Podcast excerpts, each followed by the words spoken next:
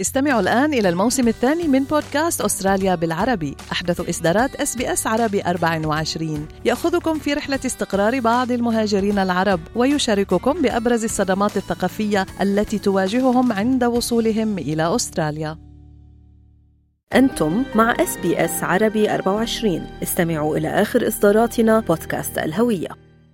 تم تعيين وزير العمل الفيدرالي السابق كريغ إميسون لقيادة المراجعة التي ستنظر في قطاع المتاجر الكبرى في أستراليا. وسط مزاعم عن التلاعب في الأسعار من قبل السلاسل الكبرى للسوبر ماركت في أستراليا. وتزايدت المخاوف بشأن الفجوة بين أسعار المنتجات في السوبر ماركت وما يكسبه المزارعون والمنتجون خاصة مع تحقيق عمالقة البقالة أرباحا تجاوزت المليارات في عام 2023 وقال كريغ إميسون إن النجاح والأرباح التي تحققها محلات السوبر ماركت الكبرى لا يتقاسمها الموردون من مزارعين ومنتجين للحوم. وأضاف أنا أقوم بالتسوق بنفسي ولاحظت أن الأسعار قد ارتفعت بشكل كبير للغاية أرباح الشركات جيدة جدا ولا يمكن قول نفس الشيء على أرباح المزارعين Supermarket profits look pretty healthy. Um, you wouldn't be able to say to farmers that their profits are all that healthy. And if you ask consumers, and I do a lot of my own shopping, uh, prices definitely have been rising sharply. وأضاف إمرسون أن المراجعة ستحدد ما يجب معالجته واعتبر أن كل الخيارات سيتم طرحها على طاولة النقاش. If we did nothing, then the, even the existing voluntary code of conduct would expire in 2025. So it's got to be replaced, either renewed and improved, or have another approach. And so we're considering all options. وكان رئيس الوزراء أنثوني ألبانيزي قد قال إن المراجعة هي إحدى الطرق التي تتطلع بها الحكومة لخفض تكلفة البضائع في السوبر ماركت للأستراليين. وصرح لتلفزيون ال ABC يوم الأربعاء عندما شهدنا انخفاضا في التكلفة التي تتحملها محلات السوبر ماركت لم ينعكس ذلك على الأسعار للمستهلكين ونريد التأكد من عدم تكرار ذلك. بدوره دعا زعيم حزب الوطنيين The Nationals ديفيد ليتل براود إلى إجراء مراجعة مستقلة لآلية التسعير والتعاقدات بين المزارعين وقطاع البقالة والسوبر ماركت الأسترالي. وقال زعيم الحزب الذي يفخر بكونه ممثلا لمصالح المناطق الإقليمية والمزارعين حول أستراليا قال إن مفوضية المنافسة والمستهلك الأسترالية قد تكون أكثر فعالية في النظر في الفوارق في الأسعار. وضرب مثالا بأسعار اللحوم التي انخفض سعر شرائها من المزارع بنسبة 70% بينما انخفضت أسعارها في السوبر ماركت بنسبة 8% فقط. When you see sheep and beef prices dropping by 70% but only dropping at 8% at the checkout, when you're seeing zucchini getting farmers getting $2.20 a kilogram but they're charging $6.50, they're cleaning up and they're cleaning up at the expense of farmers and they're cleaning up at expense of the consumer. What we're saying is we just want fair prices from the paddock to your plate with transparency and fairness and the people to do that should be the ACCC. هذا وستنظر المراجعة في القواعد الطوعية التي وافقت عليها شركات كبرى مثل ألدي، كولز وولورث والتي تنص على أنه يجب على تجار التجزئة وتجار الجملة التصرف دائما بحسن نية تجاه الموردين ومنتجي المواد الأولية كالمزارعين مثلا. وطالب ليتل براود بجعل هذه القواعد إلزامية مع فرض عقوبات أكبر على منتهكيها You've got to appreciate this is a statutory review that was scheduled to take place anyway, and this is about the broad architecture of the code of conduct. Uh, we believe openly, the Nationals, that this should be a compulsory code, not a voluntary one. We believe that the penalties shouldn't be where they are at the moment, which is about $64,000. The supermarket pull that out of one of their tills in Sydney or Melbourne to pay for that if they've done wrong. وعبر رئيس الاتحاد الوطني للمزارعين ديفيد جوهينكي بأنه يأمل أن تؤدي هذه المراجعة إلى بعض التغيير الإيجابي الحقيقي للمزارعين في جوانب عدة كالتعاقدات والأسعار وليس مجرد توصيات كما المراجعات السابقة. What we don't want to see is just another inquiry that carries recommendations that aren't acted on. We have had inquiries into the grocery sector before there has been some very strong recommendations come out that if we're adopted, we wouldn't be having this discussion today.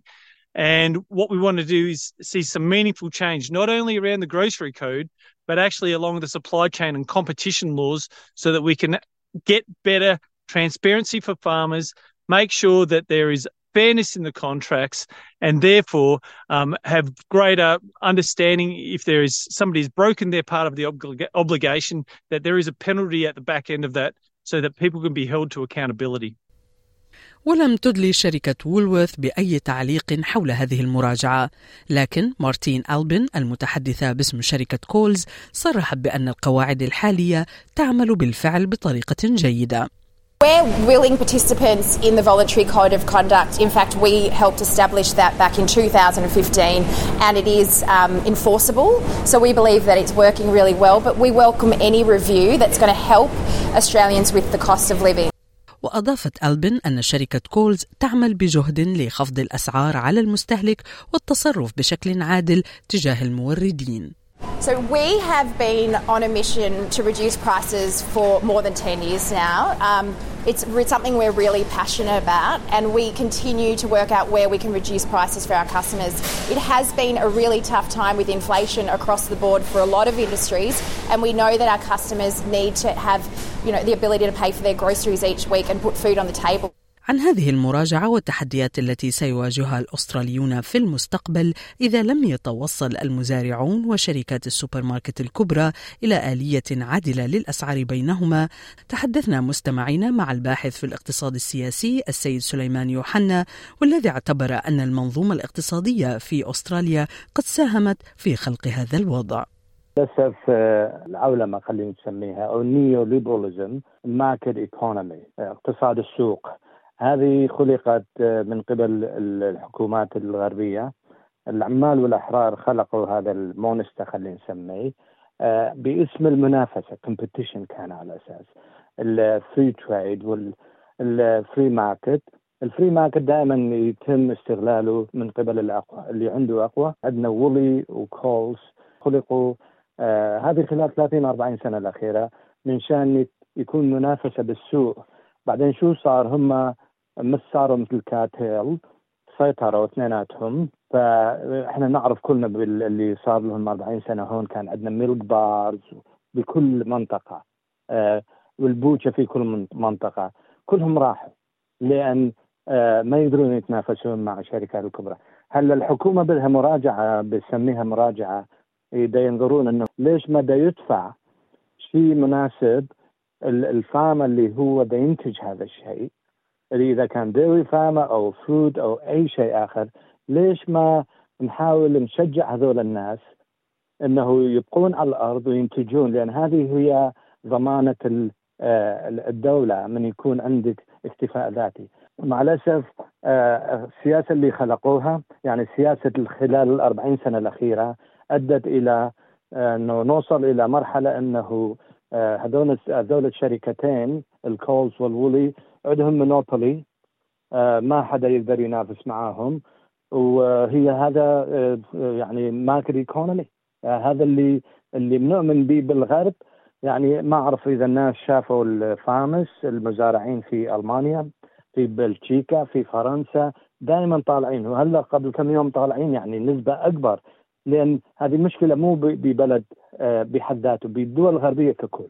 ما في تشجيع للمصنعين ولا تشجيع للمنتجين واذا كان زراعة أو dairy farm أو أي شيء هو التركيز كان على فقاعات فقاعة العقارات وفقاعة الاستثمارات وال stock market وهذه. مع الأسف إحنا متجهين إلى شيء يعني it's not it's not going to be that good to 2024 كثير من الناس تفاجؤوا بأن القواعد اللي بتحكم العلاقة بين المزارعين والشركات الكبرى هي قواعد طوعية يعني ما في شيء إلزامي ما في شيء بيحكم نعم. نعم. تسعيرة بيحدد كم يستحق ويقتضي المزارع من عائد للمنتج اللي بيبيعه نعم. للشركات هل يجب تغيير هذا الأمر كما يطالب البعض؟ مئة بالمئة 100% يعني هذا مو مو بس بالقطاع الزراعي مثلا حتى قطاع الطاقة. هلأ بغرب أستراليا بيدفعون للكهرباء والغاز 20% أقل من الولايات الشرقية اللي هي نيو ساوث ويلز وكوينزلاند فيكتوريا ليش؟ لأن هناك آه، الحكومة الولاية فرضت على الشركات الكبرى اللي تطلع إذا كان آه، نفط أو إذا كان فحم الحجري أو إذا كان أي شيء غاز للتصدير للخارج إنه فرضوا عليهم فرض إنه regulation آه إنه يزودون ال market أول شيء ال local market يعني 1 third الثلث وبعدين الباقي يباع برا. ولهذا تشوفين أسعارهم أقل. آه، استراليا بلد منتج في كل شيء. عندنا نفط وغاز أكثر من أي بلد بالعالم بس الشركات الخاصة هي اللي سيطر. ومثل ما قلت market economy نمشي حسب السوق. من صارت أزمة الغاز والنفط في حرب 73 من صار يعني الدول العربية قطعوا النفط والغاز. استراليا كان أرخص بلد بال بالنفط والغاز لأن إحنا كنا بنصنع. كان في قوانين تضبط الماركت. هلأ كثير ناس يعرفون مثلا حتى إذا تدفع كل يوم تدفعين للبترول لسيادتك كل محطة شكل كل مكان شكل لازم يكون ضوابط. لأن في استغلال في ناس تستغل في ناس بدها ربح أكثر على حساب منه على حساب الشعب. وإحنا ليش عندنا حكومة يعني؟ حكومة تمثل من؟ تمثل الشركات الكبرى تمثل أصحاب المصارف ولا تمثل الشعب يعني؟ هو هذا السؤال كل واحد المفروض يسأل نفسه ويتصل بال MP أو السنتر اللي بالمنطقة أو اللي يمثلهم إنه ما يقبل هذا الشيء لأن السياسيين يفهمون لغة واحدة بس العدد الأرقام. إذا خمسين واحد في كل منطقة يتصلون بال الام بي اللي يمثلهم إحنا ما قابلين بهذا الوضع. 50 من من من مئات الآلاف. يعني أحيانا في منطقة 80 أو 150 ألف ناخب في منطقة واحدة. بس 50 يتصلون بالام بي آه يعني يعبرون عن استيائهم. وهذول بيحكون ب آه باري روم بيحكون هناك فهي تيجي يعني المسؤوليه مزدوجة من قبلنا إحنا ومن قبل السياسيين اللي إحنا بننتخبهم. أخيرا ما السيناريو اللي ممكن نسير نحوه في أستراليا إذا لم يتم إحداث تغيير وتحسين للأوضاع كما يطالب المزارعون هل تخشى من توقف جزء كبير من قطاع الزراعة في أستراليا عندما لا تصبح هذه المزارع مربحة في كثير من المزارعين نعم. بيقولوا أهون لهم يعني يدمروا المحصول ما يبيعوا ولا أنه نعم. يقدموه بهالأسعار الزهيدة لشركات السوبر ماركت الكبرى هي خلال 30 سنة الأخيرة فقدنا بحدود two third of family farm. Two third يعني ثلثين اللي كانوا family farm. لأن أستراليا كان دائما بلد منتج وما كان فيه كارتيل شركات كبرى multinational إنه هي تكون مسيطره لأن من يصير هيك شيء؟ يصير آه يعني آه احتكار. احتكار وبعدين هم يفرضون مثل ما دا يحصل هلأ بالولي وال وال آه هلا إحنا لازم نرجع انه نشجع الناس اللي اللي اوريدي تنتج انه تبقى. لأن إذا اضطروا انه يهاجرون من مناطق لهم لأن ما يقدرون ينافسون وما في دعم حكومي وهي مو بس بهذه هلا اللي شفناها. حتى مثلا قضية ال dairy farm كانوا بيبيعوا أقل لتر أقل من أقل من دولار وما كان يكفي يعني. إحنا نحكي معاهم نعرف لأن كل ما زاد السعر مثلا interest rate صعد هلأ نسبة الفائدة. البترول صعد الديزل صعد كل شيء السماد صعد بحدود 400% لهم سماد للم. يعني هذه كلها عوامل الناس ما بتعرف يعني هاي التفاصيل. هذه كلها أدت إلى كثير من الناس ما قدرت تستمر بالرغم إنه ابا عن جد هم مع بالمزارع ينتجوا يريدون يبقون هناك بس ما في. أنا حتى شفت يعني أنا تعجبت أنا سافرت حدود 5000 كيلو من هون صعدت من ملبن شيبرتون ورحت امديل وتومبا وامرولد وبعدين روكهامبتون و back all the way regional شفت الطرق اخت هنا الطرق طرق هذه منطقة أكبر منطقة إنتاجية اللي يسموها ماري دارلينج basin من المناجم من الزراعة يعني جنة جنة عدن على الأرض. الطرق إحنا عندنا بالعراق وسوريا والشرق الأوسط. الطرق هنيك أحسن من هون. أحسن يعني ما كنت أعرف شو أركز. أركز على الحفر بال highway ولا هذا الحافات الحادة ولا ال truck. يعني في كثير مناطق تقولين إحنا ب يعني عالم ثالث يعني مو أستراليا. ليش؟ مع العلم إنه حزب. هذيك المنطقة كلها National National Party هي هم ما كانوا مع الأحرار بالحكومة ثمان سنوات. أنا قلت للناس إذا هم ما صلحوا الطريق لكم يعني تعتقد راح يبنوا لكم دولة؟